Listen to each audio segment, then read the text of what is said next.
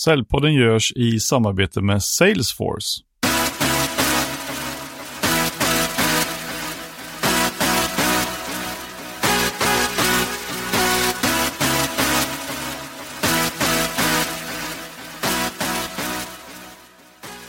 Idag har jag med mig futuristen och ledarskapsvisionären Mia Kleregård. Och du har ju inte bara gjort kometkarriär som ledare inom Apollo och Systembolaget. Du har även föreläst på FNs konferenser om globala mål och modigt ledarskap och varit chef inom framtidens foodtech-industri och nu även i högsta grad på väg ut i rymden.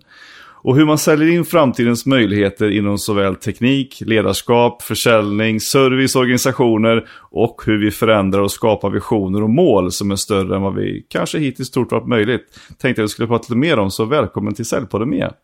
Ja men gud, tack så jättemycket. Du, om man har följt dig på Instagram och Facebook en tid så förstår man att du är rätt mycket på språng. ja, det är ju så spännande tider nu så det går inte att vara något annat. Ja, precis. Men varifrån skapar du all den här energin som du delar med dig av då?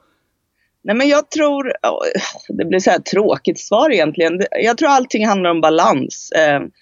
Balans i tillvaron. Så jag brukar säga lika extrovert som man kan tänka sig att jag är, lika introvert är jag. Och den energin som jag förmedlar, det känner jag är ett ansvar som jag har när jag har så mycket energi, eller skaffar mig så mycket energi.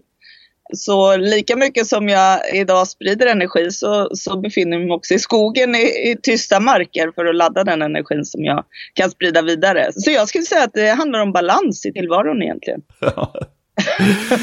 Men du, om vi eh, kommer in lite grann på, på det som du har gjort tidigare här. Du är ju, eh, du tog ju som chef och medlem av eh, ledningsgruppen inom Apollo, det bolaget till flera stora utmärkelser och en jätteframgång där. Men vad var det som du liksom puttade in i det företaget som ledde till de här framgångarna? Jag tror att det som jag kan bidra med är en otrolig, eller har bidragit med, skulle jag tro på alla platser jag jobbar, det är en väldigt stor tilltro till människan. Jag tror att vi alla människor har en förmåga att utveckla så mycket mer än vad vi egentligen tror själva. Och lite min ledarroll i det är ju att hela tiden utmana och flytta de gränserna för att människor ska växa. Och när människor växer så utvecklar vi företagen. Och det skulle jag tro är det som jag har bidragit störst med i egentligen alla ledarroller som jag har haft. Det som var förmånen just under tiden i, i Apollo i Norge, det var ju att vi byggde en organisation. Det vill säga att när man bygger en, en organisation så rekryterar man ju in väldigt mycket människor. Och eh, jag jobbade otroligt mycket med, med den delen, att bygga organisation och struktur, få in rätt människor med rätt attityd för att sedermera då lägga till den kunskapen som vi behövde för att snabbt expandera i Norge. Och när man bygger en kultur och börjar med företaget inifrån värdegrunden så bygger man också väldigt stadig kultur och den stadiga kulturen lever vidare och jag kan tro att det är det som man ser när den är så långsiktig. Apollo har ju inte bara vunnit priser under den tiden som, som jag hade förmånen att vara i Norge utan även sedermera även i år vann de priser. Så att när du bygger det inifrån och med en uthållighet och en trygghet på att det är människan som gör skillnad i det slutliga ledet så bygger du en väldigt säker och trygg organisation som, som kreerar magiska resultat helt enkelt. Mm. Men hur vet man att man ska rekrytera rätt personer då? Som, som har de egenskaperna? Jag tror det har mycket också när vi tittar nu hur samhället förändras i en takt som vi eh, sällan har skådat just nu. Och när man tittar idag på hur vi rekryterar så har vi ju hittills rekryterat väldigt mycket utifrån kunskap och kompetens. Och det tror jag kommer successivt att vara att vi, vi fokuserar kring människans potential. Jag, vill, jag brukar säga när jag tittar på en människa idag som jag ska rekrytera in i mitt team så är, är den främsta delen som jag söker det är passion. Det ska glöda i ögonen och en vilja att lära nytt. Och, och det går ju med nyfikenhet och kreativitet. För att har du de grunderna så kan man alltid tillföra kunskap. Mm. Och, och, fingerfärdigheter. Och kunskap idag kommer vara old school. För vi, det kommer gå så fort i vår utveckling att vi hela tiden kommer att behöva lära nytt. Så den delen räcker med en grundbas för att vi sedan ska kunna utveckla dig tillsammans med företaget. För att företagen kommer också öka sin utvecklingstakt stort Och det gör att vi, vi behöver växa tillsammans ännu mer och ännu tydligare än vad vi har gjort historiskt. Men finns det en risk liksom att, eh, att de här gamla kompetenserna som liksom har varit med de här 30, 40, 50 senaste åren, liksom, det är ingen idé att utbilda sig till de typer av eh, jobben eller eh, ta del av de här kunskaperna för att det kommer vara så mycket annat som behövs i framtiden.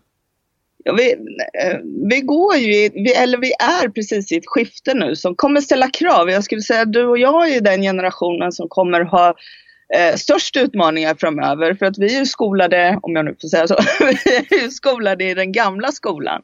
Och det vill säga att vi är ju formade enligt vårt gamla system och vårt gamla kultur. Det vill säga om vi, vi kan prata om den som en lönebaserad eh, eh generation där vi har varit fokuserade på att gå till jobbet mellan 8 och 5 och vi har varit plikttroget läst fyra år på universitetet även om det inte gäller mig. Men vi kan ha gjort det och sedan har vi en utbildning och den har vi levt på i 20-25 år. Vi sitter tryggt som löneadministratör eller en annan typ av tjänst, kundservice, vad vet jag. Och där sitter vi och har liksom praktiserat våra kunskaper. De jobben kommer ju inte att finnas i framtiden. Och då blir det så, men ja, det här är ju hela mitt liv. Det här är ju det jag har gjort. Alltid vad händer med mig nu? Mm. Och allt det vi har lärt oss, inte allt, men mycket av det vi har lärt oss kommer vi vara tvungna att lära av. Och det är inte så lätt. vi tror ju också att vi vet väldigt mycket. Så mm. vi kommer vara tvungna att lära av och sedan lära om. Det här kommer att gälla från och med nu och framöver i arbetslivet. Vi kommer aldrig kunna utbilda oss för ett jobb och tro att det ska hålla hela vår yrkeskarriär. Utan vi kommer att få utbilda oss successivt. Vi går in i det livslånga lärandet, eller vi är redan i det. Vilket gör att vi hela tiden måste lära om, lära nytt och lära mer. Och det har ju att vi ska anamma eh, tekniken som kommer och tekniken kommer att förändra våra arbetsplatser radikalt och i botten, i strukturen. Så det gör att vi idag måste vara modiga nog att också börja den resan och inse att det jag gör idag kanske inte är det jag ska göra resten av livet. Men jag, jag, tänker, du är ute och träffar rätt mycket människor och pratar om de här sakerna. Är det inte liksom, skapar inte det en väldigt stor stress hos de här den här kunskapen eller förståelse? Shit alltså, eh, min utbildning här kommer inte, jag kommer inte kunna göra någonting med den om några år. För folk kommer springa förbi mig som vill lära sig mycket mer än vad jag kan.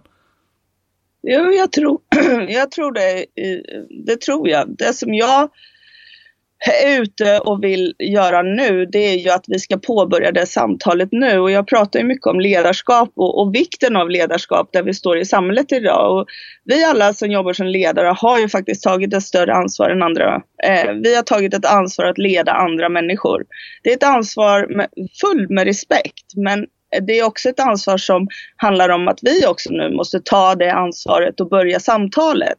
För det som det handlar om det är ju att det samtalet måste vi börja ha i våra utvecklingssamtal och medarbetarsamtal eller vilken struktur vi, vi finns i som vi faktiskt har på de flesta av våra arbetsplatser idag. Och i det samtalet måste vi lägga in nu, hur ser du framtiden? Vad är din passion? Vad hade du gjort om du inte hade gjort, varit här hos mig? Och vad, hade, vad, vad är dina drömmar? Vad vill du jobba med om du fick göra vad du ville? Och börjar vi de dialogerna här och nu så kommer vi att hjälpa den personen för att då kommer den att börja ställa sig de här frågorna lika mycket som man kanske är när man är på en föreläsning med mig, att man går hem med den frågan. Men börjar du den resan mentalt nu så kommer det bli en mjuk övergång.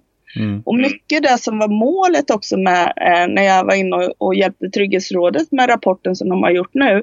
Det är ju, som är experter på omställning, det är ju att göra den en mjuk övergång.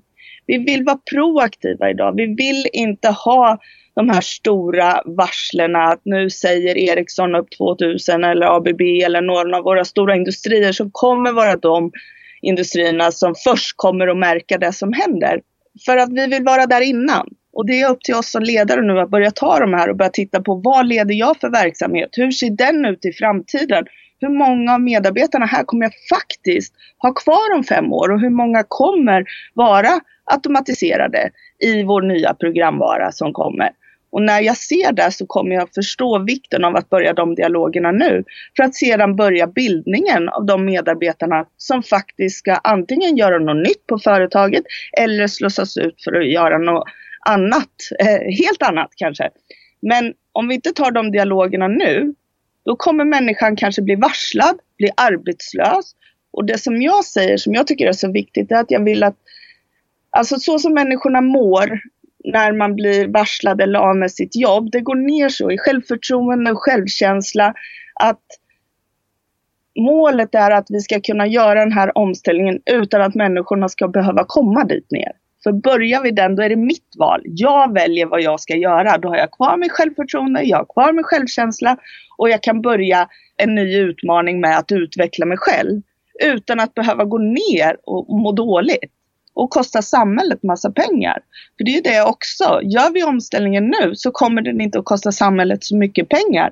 För både Trygghetsrådet och Omställningsfonden sitter på otroliga medel som regeringen har satt dit för att hjälpa våra arbetstagare i Sverige. Och det är unikt med Sverige. Det är ett helt fantastiskt land som vi har.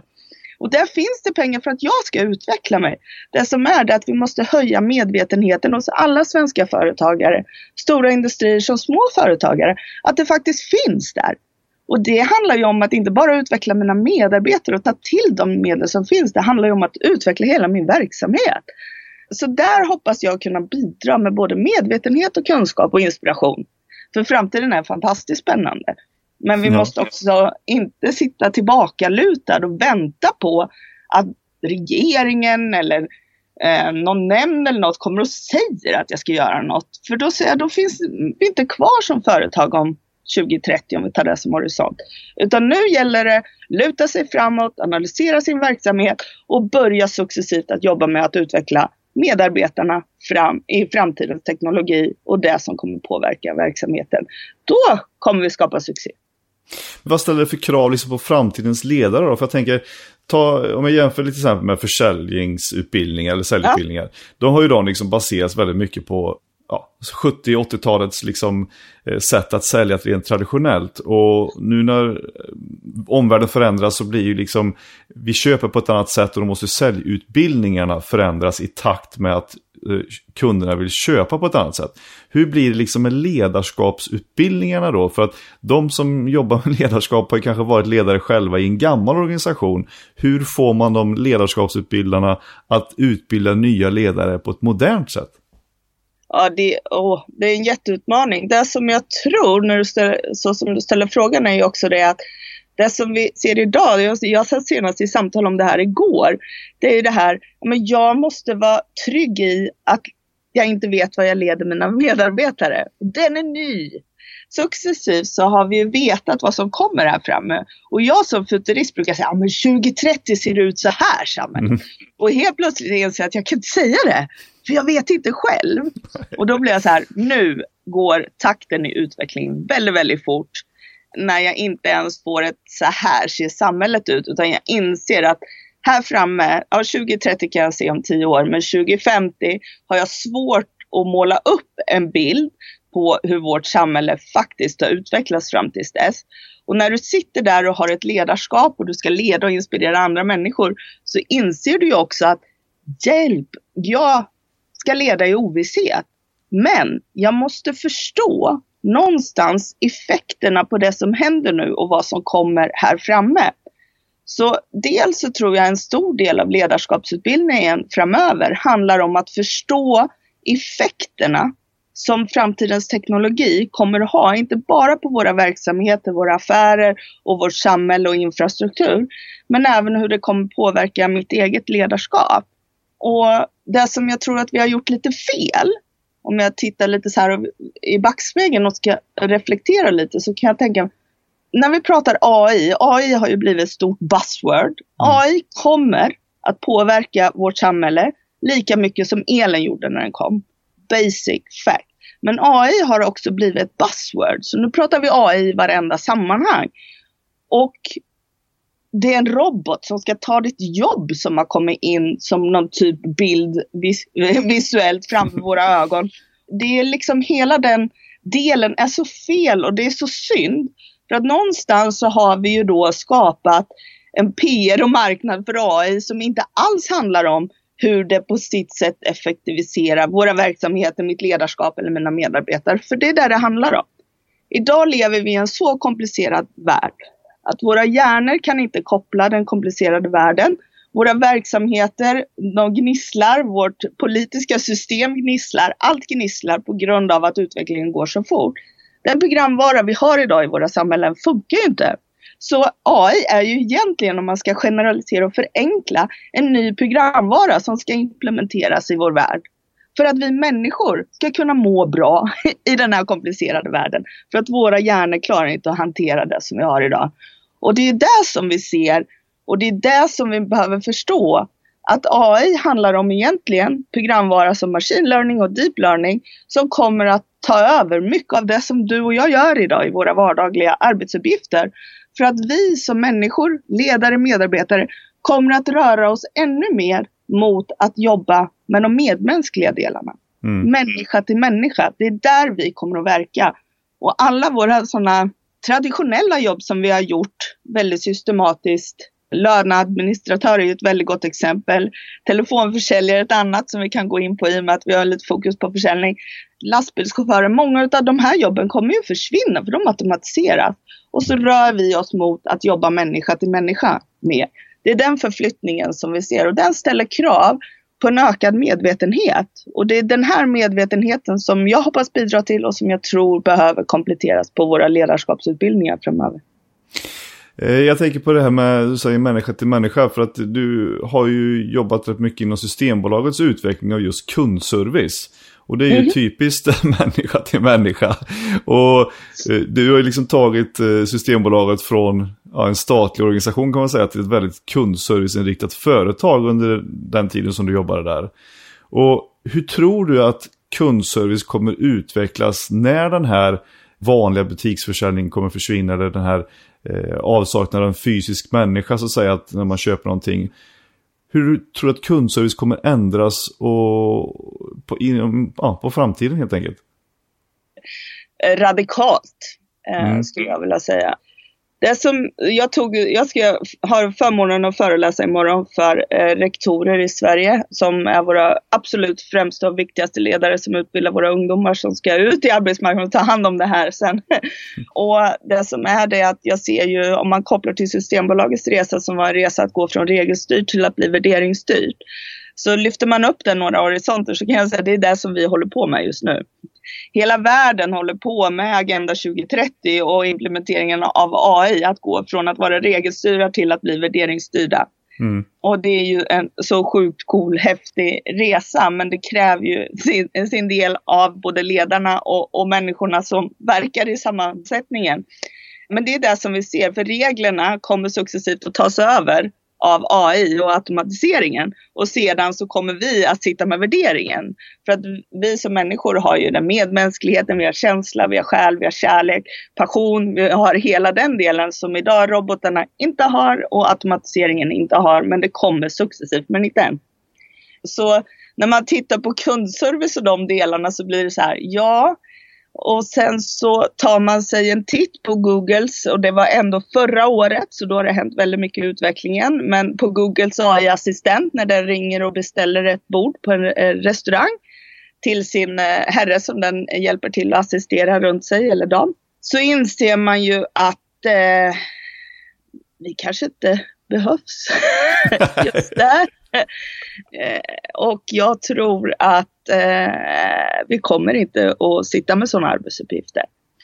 Vad det gäller kundservice, vad det gäller sån enkel försäljning, kallförsäljning, allt sånt så kommer det att ske via automatiserade system. Mm. Mm tog jag just död på en hel bransch. Men eh, jag tror att successivt, den kommer att gå i vågor och det tar lång tid innan vi är där framme. Och när vi är där framme så har vi successivt förändrat oss så att vi har hittat våra arbetsuppgifter där vi kommer att tillföra. Men jag tror att eh, idag kan man titta försäkringar till exempel när du skickar in en försäkring ärende idag så sköts ju det till stor del redan idag av automatiserade system. Det är ju inte någon som sitter och handlägger det ärendet idag. Det finns fortfarande gamla eh, företag som har det systemet och jag säger herregud effektivisera er för att hänga med i utvecklingen och effektiviseringen är ju automatiseringen av datasystem. Mm. Så det är datan som skickar och sköter allting, vilket gör att du tar ner på handläggningskostnaden, vilket gör att du kan ge bättre service till kunderna och kanske eh, ersätta mer och för man tittar på affärsmodellen. Så man måste ju också titta igenom sin affärsmodell jättemycket just nu. Så att automatiserade delar för de enkla hanteringarna först. Där människan, om man pratar om människan, går in och tar de mest mer komplicerade där det behövs dialog. Och på den nivån, idag fortfarande så är inte våra automatiserade system AI. Utan det måste ske människa till människa. Så där ser jag ju att vi kommer in i bilden. Men de enklare hanteringarna successivt kommer att bli svårare och svårare. För ju mer data och ju mer vi har våra automatiserade system, desto bättre lär den sig. För det är ju det som är grejen, den lär sig av sin egen data. Mm. AI analyserar ju, tar in, tränar för att bli bättre och bättre. Ju mer data vi har, desto bättre system. Så det är det som vi kommer att se successivt i våra verksamheter. Och jag tror att det vi pratar om först är enkla kundservice och enklare försäljning. Mm, men kommer vi behöva liksom mata då med våra egna värderingar av hur vi tycker att kundservice ska vara till de här eh, hjälpredarna som vi i, framtiden inte kommer att vara, vara människor? Du vet ju, vi har ju det här framtidens yrke till exempel, så har du ett yrke som är etikutvecklare, vilket är superhäftigt som är identifierat. Men du har ju också så här robot personlighetsdesigner som också är ett identifierat yrke och det precis går hand i hand med vad du säger. Dels så behöver vi ju göra det och vi behöver också, säger jag, innan vi bara rusar in i det här nya, för det är jättekult, det är jättehäftigt och jag är en early adopter så det är såklart jag vill vara längst fram och lära mig allting som händer här framme. Men samtidigt så säger jag, det vi måste göra och det som vi har ansvar att göra nu, det är att ta ett steg tillbaka för att inse vad är det som är viktigt att vi tar med oss från det gamla samhället eller från där vi har varit? För att industrisamhället har varit nu och det har vi lärt oss massor på. Men innan vi springer in i det nya samhället, eller vi är ju precis på upploppet, eller upploppet, vi har precis påbörjat, så är det ju viktigt att ta sig liksom en steg tillbaka för att se vad är det som är viktigt att vi plockar med oss? Vad är vår mänskliga värdegrund? Vad är viktigt för oss att tillföra? Vad det gäller programmering idag så har vi alla ett ansvar i våra roller. Det vi kan se idag det är att de som bygger systemen idag har varit jättemycket i Silicon Valley. Men mm. det som vi ser idag det är att 40% av AI-utvecklingen, för det är ändå AI som är den liksom man ska hålla koll på idag. 40% av den utvecklingen sker i Silicon Valley, men 40% sker i Kina. 10% är resterande, där tillhör Sverige. Vi delar lite på de där 10 procenten. Vi har en förmåga att tro att vi är väldigt långt framme och leder utvecklingen. Nej, men vi är väldigt duktiga och vi är stor innovation och Stockholm är ett av de främsta länderna vad det gäller innovationer och startup. Men det som vi ska vara liksom medvetna om, det är den ofantliga utvecklingen som sker i Kina nu. Och det som Kina har, det jag vill komma till, det är att Kina har 1,4 miljarder människor. Varav en miljard människor är uppkopplade och sköter allt på internet varje dag. Det är otroligt mycket data. Och när vi pratar om AI så är det ju just ju mer data, desto mer specifika system. För desto mer träning kan vi ge våra automatiserade system. Precis som ju mer jag tränar desto bättre blir jag. Mm. basic. Likadant är det med de här. Ju mer de tränar desto bättre blir de. Och det som Kina har det är att man kan tycka vad man vill. Men i det läget som världen ligger nu så har ju Kina otroligt försprång på grund av att de har tillgång till alla människors data. Det har vi inte här i eh, Sverige eller Europa. Här diskuterar vi de andra delarna.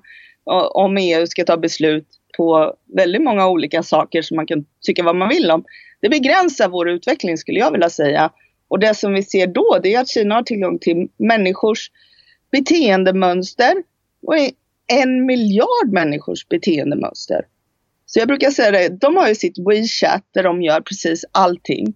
Det vi kan sätta på horisonten och på ögonen, det är typ som Facebook. Men så lägger du in i Facebook all vår kredithantering, alla våra lån, hur vi använder kollektivtrafik, studieskulder, studier, alltså hur vi beter oss, hur ärliga vi är i vår kommunikation på Facebook och inte.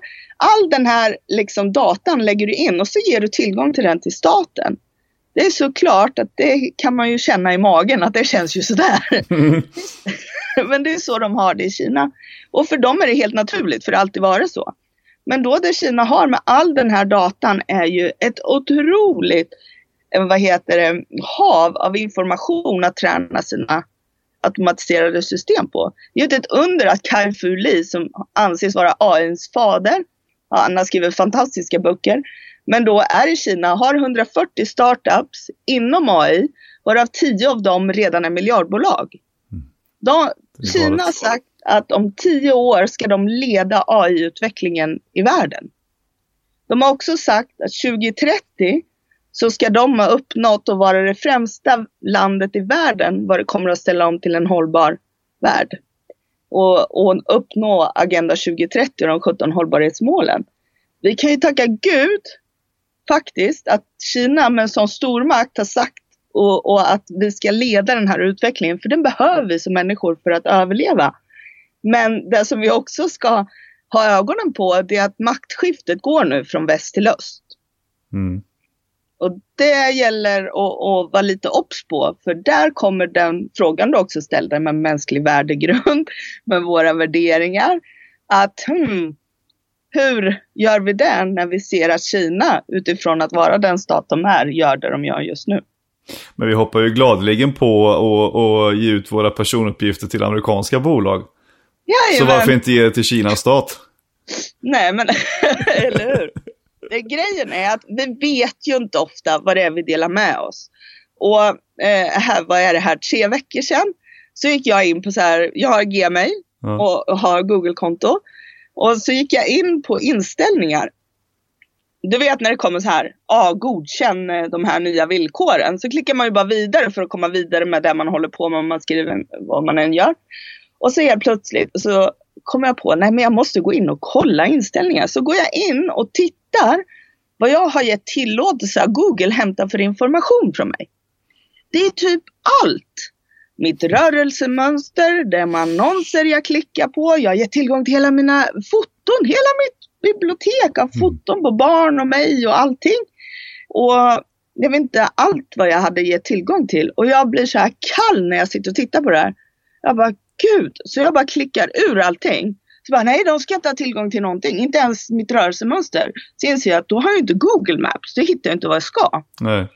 Och så gick jag ut och fika med en väninna på, på kvällen och hon säger, men Mia du ska ju typ vara längst fram. Det du har gjort är att stängt av programmeringen av din AI-assistent. Och jag bara går hem och så börjar fundera. Ja, det har jag gjort. För nu Mm. programmerar jag ju inte min AI-assistent som ska se till att jag får rätt annonser utifrån det jag är intresserad av. Ska se till att allting styrs på skärmen framför mig. Utifrån den personen som jag är med mina unika intressen. Det har ju jag stängt av nu. Och då tänkte jag, nej, men det kan jag inte göra. Så då gick jag in igen. Men då valde jag, mina foton på mig och min familj, det är min privata. De ska man inte träna sina AIs på. Eh, så det stängde jag av. Men så har jag valt att ge tillgång till andra saker för att också se. Det jag vill säga med det här och uppmuntra alla egentligen att göra, det är att gå in och kolla sina inställningar. För att faktiskt, att det är du som tar valet vad du delar med dig av. Nackdelen med det här är väl egentligen att eh, tjänsterna baserar sig på det här och klickar man inte i och godkänner så får man inte tillgång till tjänsterna som vi alla behöver. Nej, och jag vet och det här är, det är därför jag då godkände väldigt mycket. Men samtidigt så, som jag då sa, nej men det här är privat för mig. Vi går ju mot ett transparent liv. Vi, vi kan se, om vi ska titta till Kina, Kina är supercoolt att titta trender på. Där de har sin social rankingsystem som de faktiskt kör ut. För att det som också, det är ingen demokrati. Kina kan bara bestämma, nej men nu kör vi det här. Så då implementerar man och provar AI i social ranking. Det vill säga att då hade du och jag blivit rankade enligt, vi kan ta om i vår verklighet så hade det varit våra Facebook-profiler. Så hade man lagt in då, eh, datan därifrån hur vi sköter våra avbetalningar om vi åker kollektivt eller om vi åker fossilbränsle. För all den här datan finns ju om oss idag. Så hade du fått en social ranking och jag hade fått en social ranking. Och utifrån det hade vi sedan fått erbjudande hur duktiga medborgare vi är. Mm. Så du hade säkert fått eh, jättebra, såklart Mattias. Och då hade du kunnat få bo billigare på fina hotell, du hade kunnat resa till ett billigare pris. Och, och det är ju så som man idag provar i Kina att göra. Medan tänk om då jag kanske hade hänt saker som hade gjort att jag inte var så bra. Och det kan ju vara kanske inte heller e-, eget, eh, att det är jag som har gjort det. Men då hade fått en sämre poäng och inte fått de fina erbjudanden som du har fått. Och det är ju för att locka oss till att bli goda medborgare. Det här är precis plockat från ett, eh, ett avsnitt av uh, serien Black Mirror, om du har sett det. Det är exakt det här. ja men eller hur? Ja. Och så får man inte bli arg. Jag har sett det avsnittet. Och så går man in i fängelse och får äntligen bli arg. Ja. men i vilket fall så är det ju det systemet som är. Men det som är av vikt här, återigen, det är reflektionen jag vill åt. För att i reflektionen utvecklas vi alltid. Och om vi stannar upp innan vi går rätt in i det här så kommer vi att utvecklas, det vill säga det här, en god medborgare i Kina är ju inom deras ramverk. Vad är gott i Kina? De har satt sitt ramverk på vad deras social ranking baseras på. Utifrån deras värdegrund. Och nu säger jag deras. För att det, Kina är stängt idag så att vi är inte eh, involverade i deras WeChat och internet. Men däremot så har ju vi ett jobb att titta på hur tycker vi att det ramverket ska vara och vara en god medborgare för oss. Vi har gjort det historiskt, men det är ju baserat på industrisamhället. Hur ser en god medborgare eller, eh, av jorden ut? Och det är dit jag tror att vi är på väg i och med att successivt så kommer länder försvinna.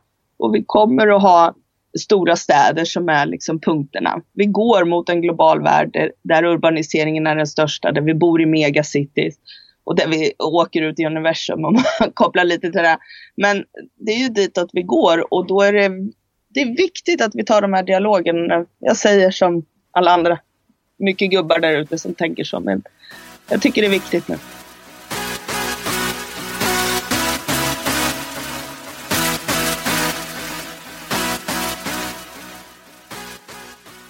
Säljpodden görs i samarbete med Salesforce och här står jag med David Rådberg, Regional Sales Director på Salesforce. Och för alla som inte känner till Salesforce, varför skapades egentligen det bolaget från början?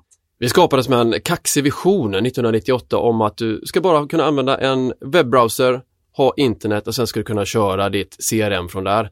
Och det var på tiden innan internet var speciellt stort så att, eh, eh men här står vi, 30 000 anställda och finns för hela världen. Och vad är det som ni specifikt hjälper era kunder för problem att bli av med? Självklart är säljstöd en stor del fortfarande, men ännu större för våra kunder nu är att hjälpa eh, slutkunder som dig och mig Mattias. Att i alla kanaler som vi touchar i, det kanske är ett Instagram du börjar din kundresa och sen så är det kundservice och sms och mail och där någonstans behöver du Salesforce för att få en bild av kunden. Och nu kommer ni ju ha ett eh, stort eh, Norden-event här i Stockholm, Basecamp Stockholm den 9 april. Och vad kommer hända där? Ja, Basecamp ja. Jag, jag, älskar det här eventet. Det är 1500 kunder och partners under ett tak och en dag. Vår filosofi på Salesforce är dock att låta våra kunder lära av varandras misstag och framgångar. Så att eh, vår community kommer ta stor del av, av, platsen där och ställa våra kunder på scen. VD på SBAB, det kommer CIOn från Ericsson, eh, Izettle och andra bolag i tillväxt. Det är de du kommer se framförallt på scen. Och varför tycker du att man ska boka in sig då på Basecamp Stockholm här 9 april?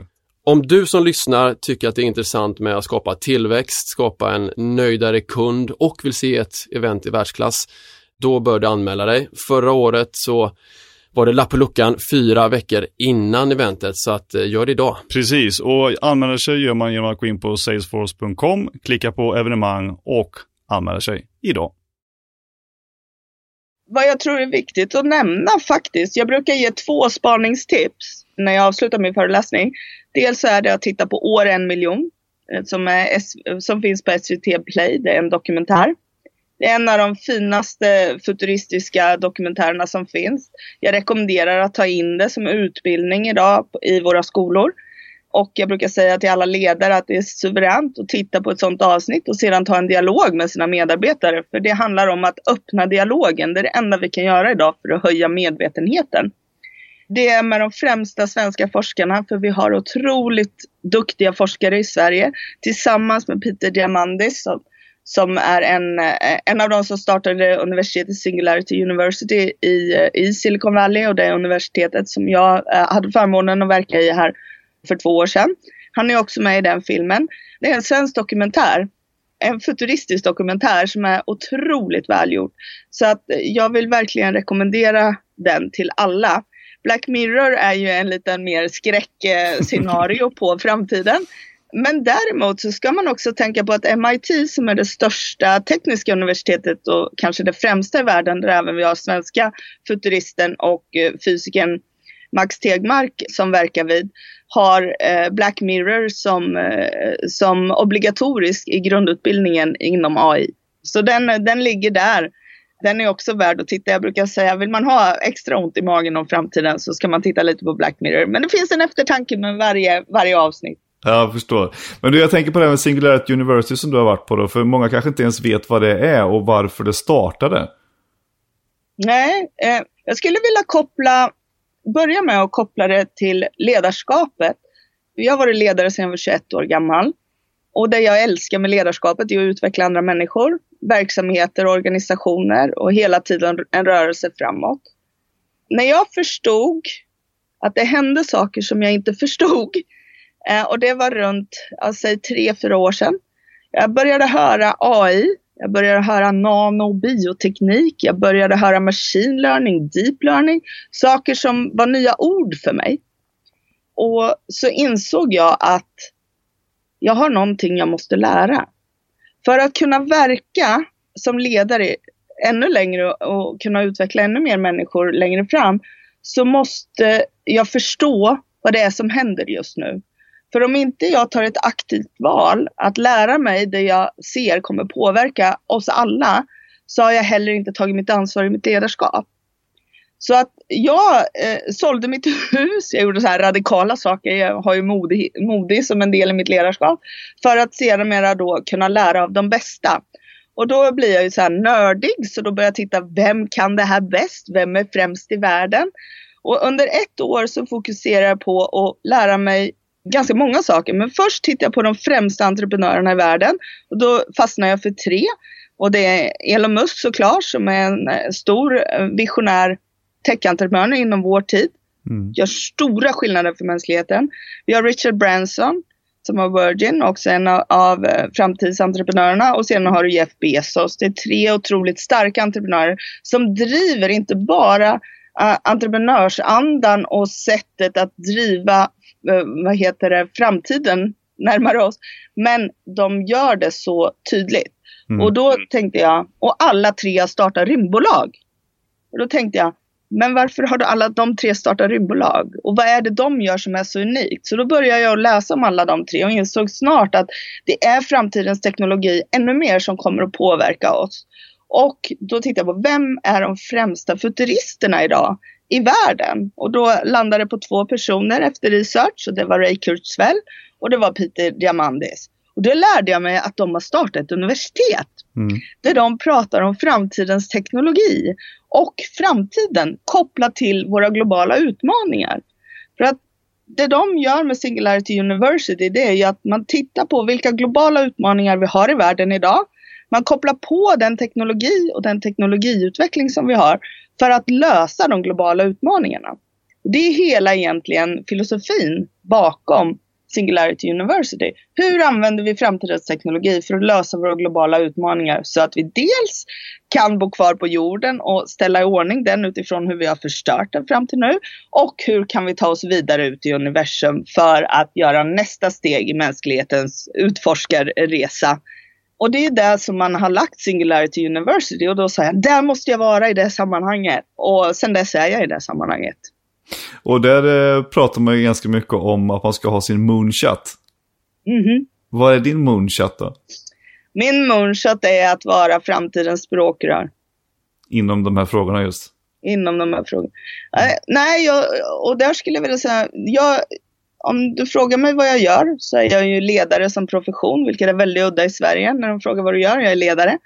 För, för mig är ledarskapet en stor profession som är eh, undervärderat i många, eh, i många delar. Och vi är alla vår egen ledare i allting som vi gör. Det som jag ser som min moonshot och där jag kan verkligen bidra till att förändra världen till det bättre, det är att via mitt ledarskap och vara en röst i sammanhanget, för där har jag fått en gåva och den vill jag, vill jag vårda väl, att verkligen kunna göra skillnad för mänskligheten. Dels att öka medvetenhet och bilda människor i de delar där vi behöver göra just nu för att kunna göra det av respekt för människan. Så där ser jag mig själv starkt och sedan utveckla och leda verksamheter. mm. mot framtiden. För att eh, vi måste göra en omställning just nu som är stor och stark. Och eh, vi behöver ha ledare som vågar ta ordet och det ser vi idag. Vi har fantastiska ledare. Vi har ända ner från 16 år som börjar nu liksom säga hallå, vad är det ni håller på med? Vi ska hitåt, vi ska inte ditåt. Och det är mm. hela min paritet. Vi ska mot Agenda 2030, vi ska inte till fossildelen, vi ska ditåt, vi ska mot en hållbar värld och alla som håller på att springa åt andra hållet, de springer åt fel håll. Och vi måste bli fler som står och pekar och visar Eh, och inspirerar på ett framtidsscenario för att andra ska våga och ha mod och säga men jag följer med in i framtiden. Jag vill också bli hållbar. Jag vill också hänga med i teknologin. Jag vill också anamma den även om jag inte vet hur och jag förstår inte. Men jag har en vilja att lära mig. Och där ser jag mig otroligt mycket i det sammanhanget. Att kunna verka och skapa trygghet i en otrygg eh, värld. Men jag tänker, när du har träffat de här personerna med, med stora visioner och, järva mål liksom på Singularity University här. Och de vill ju liksom göra en transformation då. Och han Peter Diamandis startade SpaceX bara för att han ville få igång privatisering av, rymd till exempel. Men hur, och han hade ju inga pengar heller, utan han gav ju liksom, eh, de skulle ja. få 10 miljoner dollar, men han hade ju inga pengar till det. Och, och helt plötsligt så började folk att jobba med, med rymdprojekt och till slut så fick de ju ihop pengarna. Så det är ju ett, ett djärvt mål i sig själv. Men när du träffar de här personerna, vilka idéer har de som de har börjat arbeta med för att göra världen lite bättre? Vet du vad jag tror? När jag träffar dem så är det, det är en befrielse skulle jag vilja säga i det första. Mm. Och det är en befrielse i att våga tänka stort. Och där, om man tittar till Sverige och där, där, vi befinner oss nu så är det ju någonting som vi inte riktigt har blivit skolade i. Att våga tänka stort, att våga tro på sig själv, att våga sticka ut, att ha mod att vara den som ställer sig upp när alla andra sitter ner. Eh, och tittar vi på våran kultur i Sverige så är det ju inte riktigt den kulturen vi har. Så att när jag träffar människor, och det var därför jag flyttade från Sverige när jag var 19 år, för att jag hade hamnat i en box som jag inte ville vara. Och när jag kom utanför Sveriges gränser så var det som en befrielse att äntligen kunna fälla ut vingarna och få vara den dynamiska person som jag någonstans hade gömt in i mitt hjärta för att passa in i samhället där jag kom ifrån. Så att när jag kommer i Singularity University så är det liksom 70 nivåer uppåt ifrån när jag var 19 år. Och hade den känslan när jag kom ner till Spanien. Men i vilket fall så är det samma känsla som infinner sig. Och det hoppas jag att vara en inspiration för alla, både unga som gamla, att verkligen Nej men fäll ut vingarna, ställ dig upp, våga vara den du är, våga höj rösten, våga tro på dig själv och på andra. För att vi behöver dem i Sverige som leder utvecklingen och inte sätter sig ner och väntar på att någon annan ska göra det. Varför är vi så att vi inte vill påbörja en sån? Varför vågar vi inte tänka stort och påbörja transformationen då? Därför att vi vill inte stå ut. Nu ska inte jag prata för hela, men generellt i Sverige så vill vi inte stå ut. För vem är jag att stå ut? Varför? Vem är jag att höja rösten? Vem är jag att ställa mig upp? Tänk om jag misslyckas? Tänk om folk pratar illa om mig? Alltså vi vill ju inte det. Vi är ju människor, vi vill bli omtyckta. Så att ställa sig upp och liksom eh, börja, börja liksom prata ett språk eller tänka stort. Så, men, hur tänker du? Sätt dig ner. Oh, nu störs det här i vår struktur som vi har som är väldigt lugn. Och det är det här som hindrar otroligt mycket utveckling både i företag och verksamheter. Och det tycker jag är jättetråkigt och jättetragiskt. Vi förlorar så otroligt mycket potential i utveckling på alla ledder. Det är intressant eftersom eh, eh jag kommer att tänka på en eh, ja, affärsbekant man vill säga då, som hade gått på MIT faktiskt. Ja. Och eh, hade en studiekompis som eh, i sin uh, iver där då hade sagt att ja, men, jag vill i framtiden när jag är färdig, jag vill lösa åldrandets gåta. Mm. Och nu vet jag ju att Peter Diamandis är också ganska involverad i just eh, åldrandets gåta upp med Tony Robbins bland annat. Då. Eh, och eh, då hade han sagt det i, i, till sina kompisar och alla var så här, oh, wow, vad häftigt liksom att, eh, att du vill eh, lösa åldrandets gåta. Det funkade i USA. Men när de kom tillbaka till Sverige då så sa samma sak. Jag har min vision att jag vill lösa åldrandets gåta de bara, varför då? vill du bli gammal? Vem vill, vem vill leva i tusen år liksom? Hallå? Det är så stor skillnad på, på kulturer. Och jag blir så här matt. Eh, och den, den där får man ju särskilt när man liksom när man har stora visioner. Nej, men det är som du frågar, min största vision är att åka ut i rymden. Mm. Och varför ska jag till rymden då? Men nu är du väl, du är inte klok. Men såklart jag ska till rymden. Vad sjutton, jag har rest hela mitt liv. Jag har jobbat inom resebranschen i 12 år. Jag älskar att vara ute på upptäcktsfärd. Jag älskar att gå där det inte finns någon stig, både liksom literally ute i skogen men också i jobbsammanhang. Jag liksom utforskar för att um, oh, det är ju en utveckling allting. Det pirrar. Du har ingen aning om vad du ska. Lika mycket pirrar det ju att titta ut i rymden och inse att universum är så sjukt stort. Men det här är ju inte egen syfte, för det jag vill verka för är att vi har en eftertanke med oss på väg ut i rymden. Att vi tänker innan vi springer ut. För det ser jag ju också nu, om du nämnde SpaceX här som och det är så coolt så det, det, finns inte. SpaceX är ju ett av de första privata rymdorganisationerna som har kommit. De har ju finansierat hela egentligen sin utvecklingsresa via att flyga upp NASAs satelliter. Mm. Och det som är med den delen är ju att eh, det är ju att de har hittat nu och kan återanvända raketerna. Vilket gör att kostnaden, och det var lite Peter Diamandis mål när han satte igång hela det här projektet, var ju att minska kostnaden på att skjuta upp raketer. För att mm. kan vi återanvända dem så kommer vi kunna åka mer ut i rymden. Och ju mer vi åker ut i rymden desto bättre kan vi träna vår teknologi, desto mindre kostsamt blir det, desto mer effektivt blir det.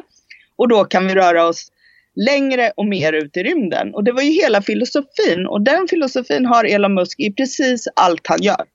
Mm. Han ska cut cost och öka effektiviteten. Och det har han gjort i alla de olika grenarna som han har jobbat i. Det är hans eh, recept. Och det gör han ju nu via SpaceX också. Och det tycker jag är eh, otroligt häftigt att se hur den delen nu sker. Och senast för eh, i torsdag så skickar man ju ut de första satelliterna som handlar om de kommer att sätta runt 18 000 satelliter runt jorden för att ha wifi. Mm. Alltså vi är kopplade till wifi ute i rymden. Och vet du vad som var det coolaste med det som jag läste? Det är ju att när du kör wifi ner från rymden så är det ju som vi människor står still. alltså, vi kopplar... När du sätter satelliter runt hela jorden och sen så strålar den ner så är ju människan rör ju inte på sig för det blir ju så litet avstånd i sammanhanget. Mm. Och då börjar man med det här igen, som jag brukar säga. Landsgränser, det är så 1900. Det är ju också att när vi flyger ute i rymden så finns det inga universum. Eller så finns det ju inga flygrum, utan du får ju röra dig fritt där.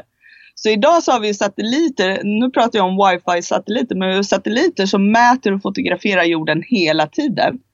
Där har vi inte flyg inte över luftrummet. Så att ha det på jorden blir ju så makabert konstigt i sammanhanget.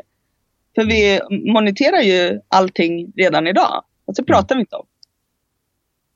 Jag tycker att eh, till lyssnarna här att om man inte har eh, kollat in eh, Singularity University och även det här Abundance Insider som är ett vanligt nyhetsbrev som kommer med varje vecka med nyheter från upptäckter och framtidens forskning liksom, som händer nu. Så tycker jag man ska signa upp för det där.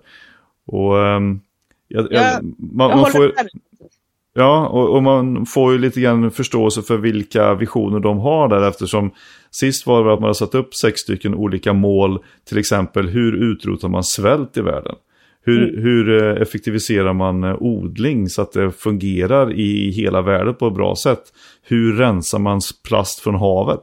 Alltså sådana typer av stora mål som är Alltså plasten i havet är ju megaproblem som vi måste komma underfund med snabbt. Ja, och då vill jag koppla till det du säger där, för jag har två saker som jag tänker på. Dels så är det eh, plasten i haven. Varför har vi plast i haven? Det är för att vi inte hade lagt en struktur. Man kämpade länge för att få en struktur. Vem är ansvarig för haven? Vi hade ingen struktur. Och vad händer då? Det är allas ansvar. Alla som har jobbat i en organisation vet vad som händer om vi skriver att alla ansvarar i protokollet. När vi har haft ett veckomöte. Det brukar inte hända så mycket då för att ingen ställer sig upp och tar det där ansvaret utan alla ansvarar. Det är ingen lyckostrategi och så hade man ju när man hade haven. Allas ansvar ute på haven. Ja, det blev ju inte så bra för att då dumpar vi plast i haven. Det som vi har nu, det är nästa strategi som är otroligt viktig och det är vår rymdstrategi. För sedermera vi pratar lite om att vi flyger upp, vi sätter ut satelliter. Alla de satelliterna som vi flyger upp, vi har ju flugit upp ganska mycket grejer ganska länge. Mm. Så att grejen är ju att vi har otroligt mycket och det är otroligt mycket rymdskrot. Som är livsfarligt, som är runt hela vår jord. För att vad har vi lagt för strategi i rymden? Det är allas ansvar. Mm. Så att jag brukar eh, prata mycket om att det som vi måste göra nu, det är att ta en strategi. När vi skjuter upp satelliter så ska vi också vara ansvariga för att ta reda på den när den ska återanvändas. Antingen att den brinner upp i atmosfären eller att vi ser till att man plockar ner allting som man skjuter upp. Det som vi har idag är att vi skjuter upp, det blir vrakdelar. En liten, liten två centimeters vrakdel kan förstöra en hel rymd, ett helt rymdskepp. Så när vi börjar flyga upp nu och också flyger turister, vilket vi gör och Richard Branson gjorde förra veckan, tog med den första privatpersonen upp, så är det ju också så att bara en sån liten kan åstadkomma otroliga skador. Mm.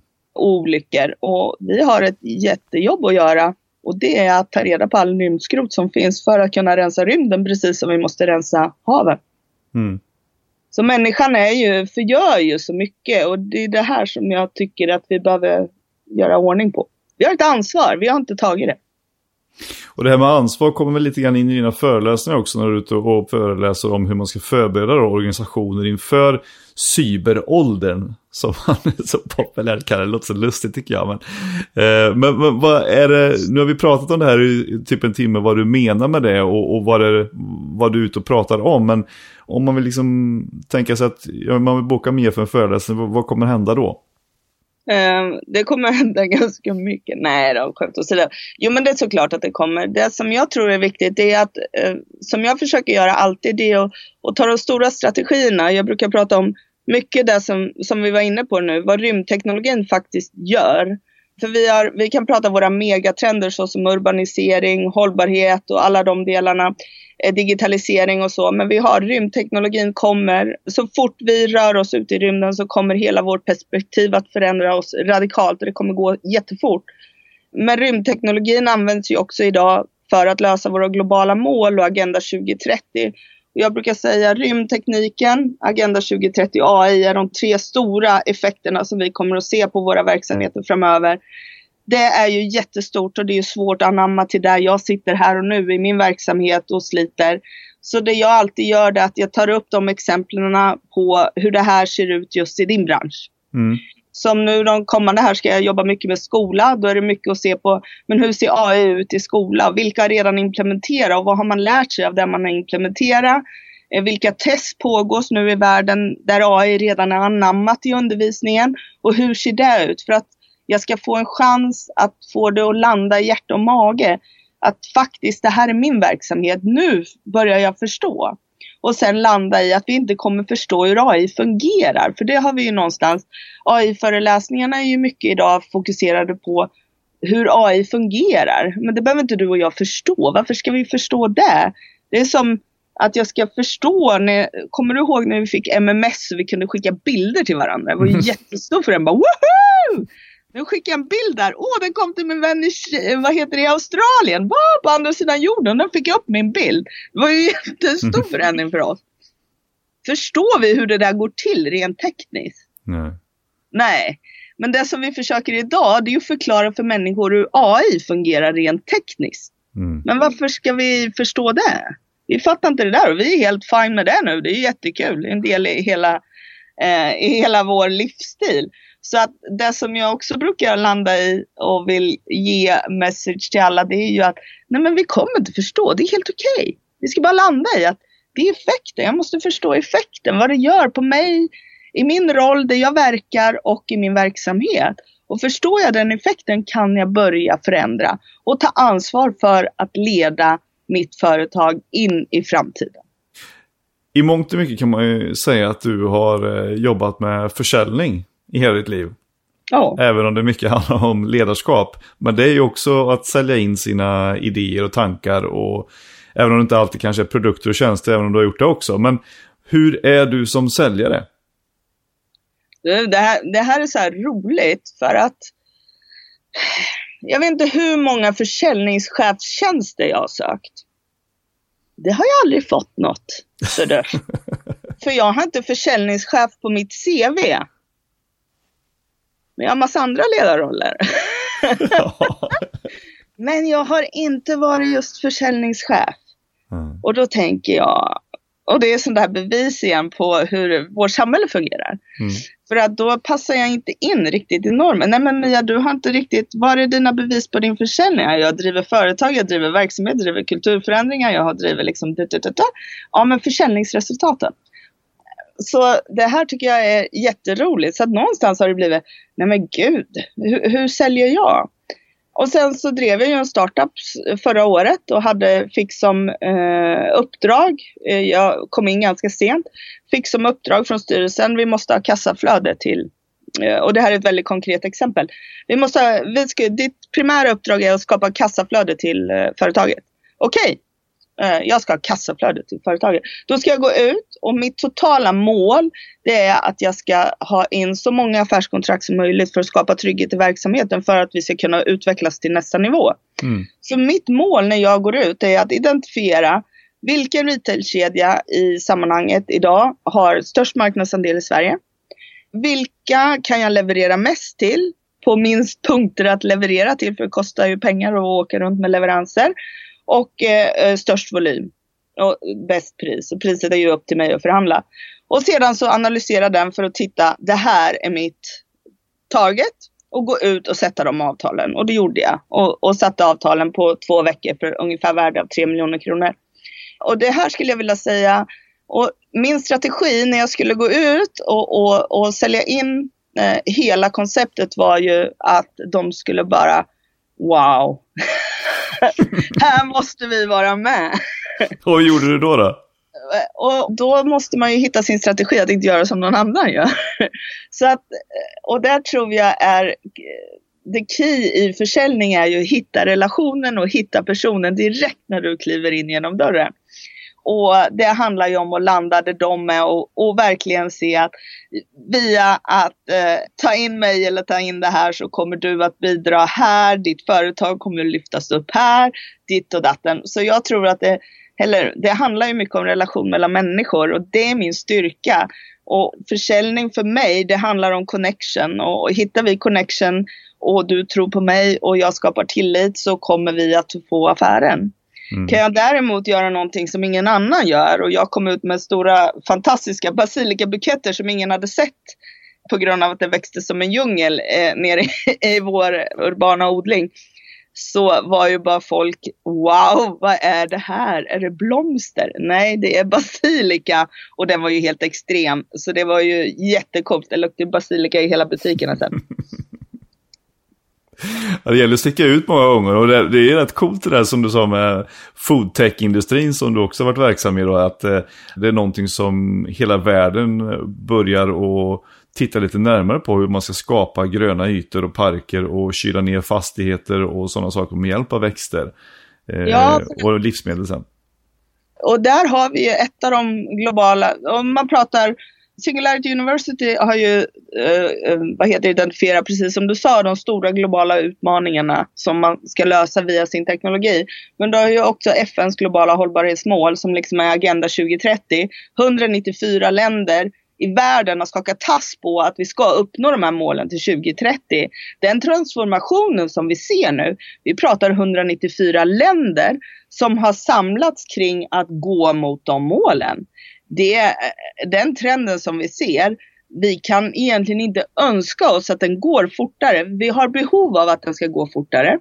Men vi kan inte önska oss att den går fortare för det är massa människor, det är olika kulturer, det är olika strukturer, det är olika regeringar som alla ska röra sig och ändra det man gör idag. Vissa går fortare än andra, men alla har börjat röra på sig. Det är ju fantastiskt som vi ser.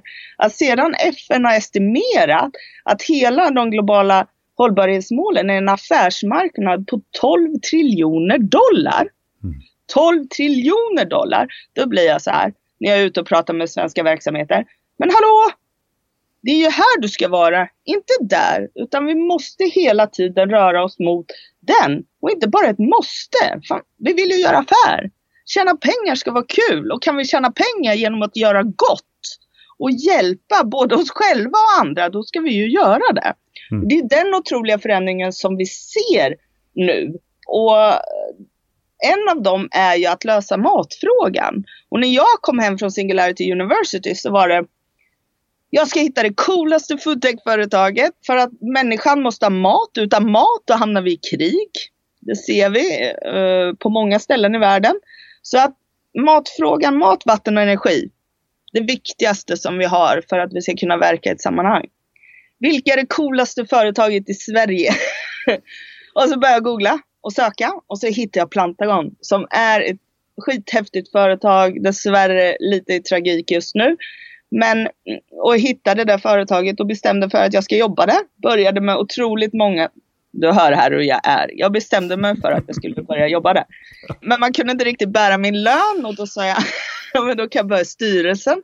Började i styrelsen för att sedermera jobba in mig i företaget och slutade som VD för det svenska produktionsbolaget som är det som lever än idag och som levererar grönsaker och färska örter till ICA Maxi bland annat.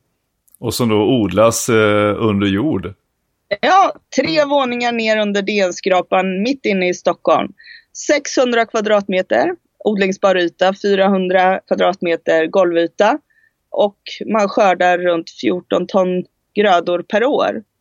Mm. Och det här är ju fantastiskt. Och det som är, det är ju att man har satt ut att lösa matfrågan i världen och det som vi ser att 2050 kommer 70 procent av världens befolkning och vi kommer uppgå till omkring 10 miljarder. 70 procent av de människorna kommer att bo i städer, i megastäder. Och när vi har megastäder så kommer vi vara tvungna att odla mat inne i städerna. Och då måste man ju hitta de här ytorna som är effektiva och det är så som man har gjort här, eh, eller gjort i DN-skrapan där man då har tagit gamla tidningsarkiver på grund av att det har digitaliserats så det finns inga tidningar. Man har kreerat en odling som liksom är 200 till 400 procent mer effektivt än frilandsodling. Och det är mitt mm. i staden. Så det är liksom så som vi måste göra. Det kommer i sig inte att lösa hela matfrågan, men det kommer att bidra till att människan överlever. Och idag ser vi ju fantastiskt, vi har tre stora foodtech-företag bara i Stockholm och det har vi ju med Grönska, Urban Oasis och sedan med Cityfarmen med Plantagon. Mm. Så du har tre foodtech-företag som redan levererar. Så innovationen har gått från att vara innovation till att bli kommersialiserad. Och det är hela nyckeln egentligen. Det är att få innovationen att leva och få den som en kommersiell produkt. Får du det, då kan du också utvecklas mer och fortare för att dels har du ett kassaflöde men du har också massa kunskap från kunderna. Mm. Eh, och du får det blir förutsägbart. Ja. Så, Skörden så... slår inte fel. Nej. så därifrån kommer den delen som är jättespännande. Mm. Ja men coolt. Men du, det sista här då. Om, om du får uh, önska dig något av uh, svenska företag då. Att de ska satsa mer på här de närmsta åren to come här. Vad skulle det vara? Bildning. Utbildning det är it's from the bottom of my heart. Att verkligen titta på sin, sin verksamhet just nu, ta ett steg tillbaka, analysera den, koppla på en kunskap inom automatiseringen för att se hur mycket den kommer att påverka det företaget man driver idag. Göra den här tuffa analysen som inte är rolig. Eh, och det är att titta på antal människor man har idag och börja identifiera hur man måste bilda dem och göra den omstruktureringen successivt ett steg i taget med respekt för människan.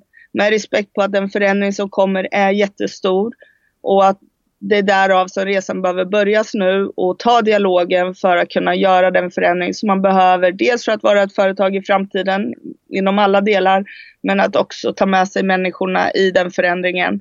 Och den resan skulle egentligen ha påbörjats igår för att kunna göra det med bibehållen liksom, mod och känsla och, och geist jag önskar verkligen att alla företagsledare idag verkligen tar den analysen av sina företag och börjar att utbilda och ombilda de människorna som man har i sin organisation till att vara med in i framtiden.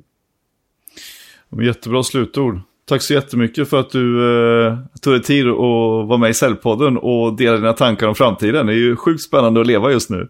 Ja men eller hur, jag brukar säga det, mest spännande tiden nu och jag är så tacksam varje dag att jag får vara med just nu.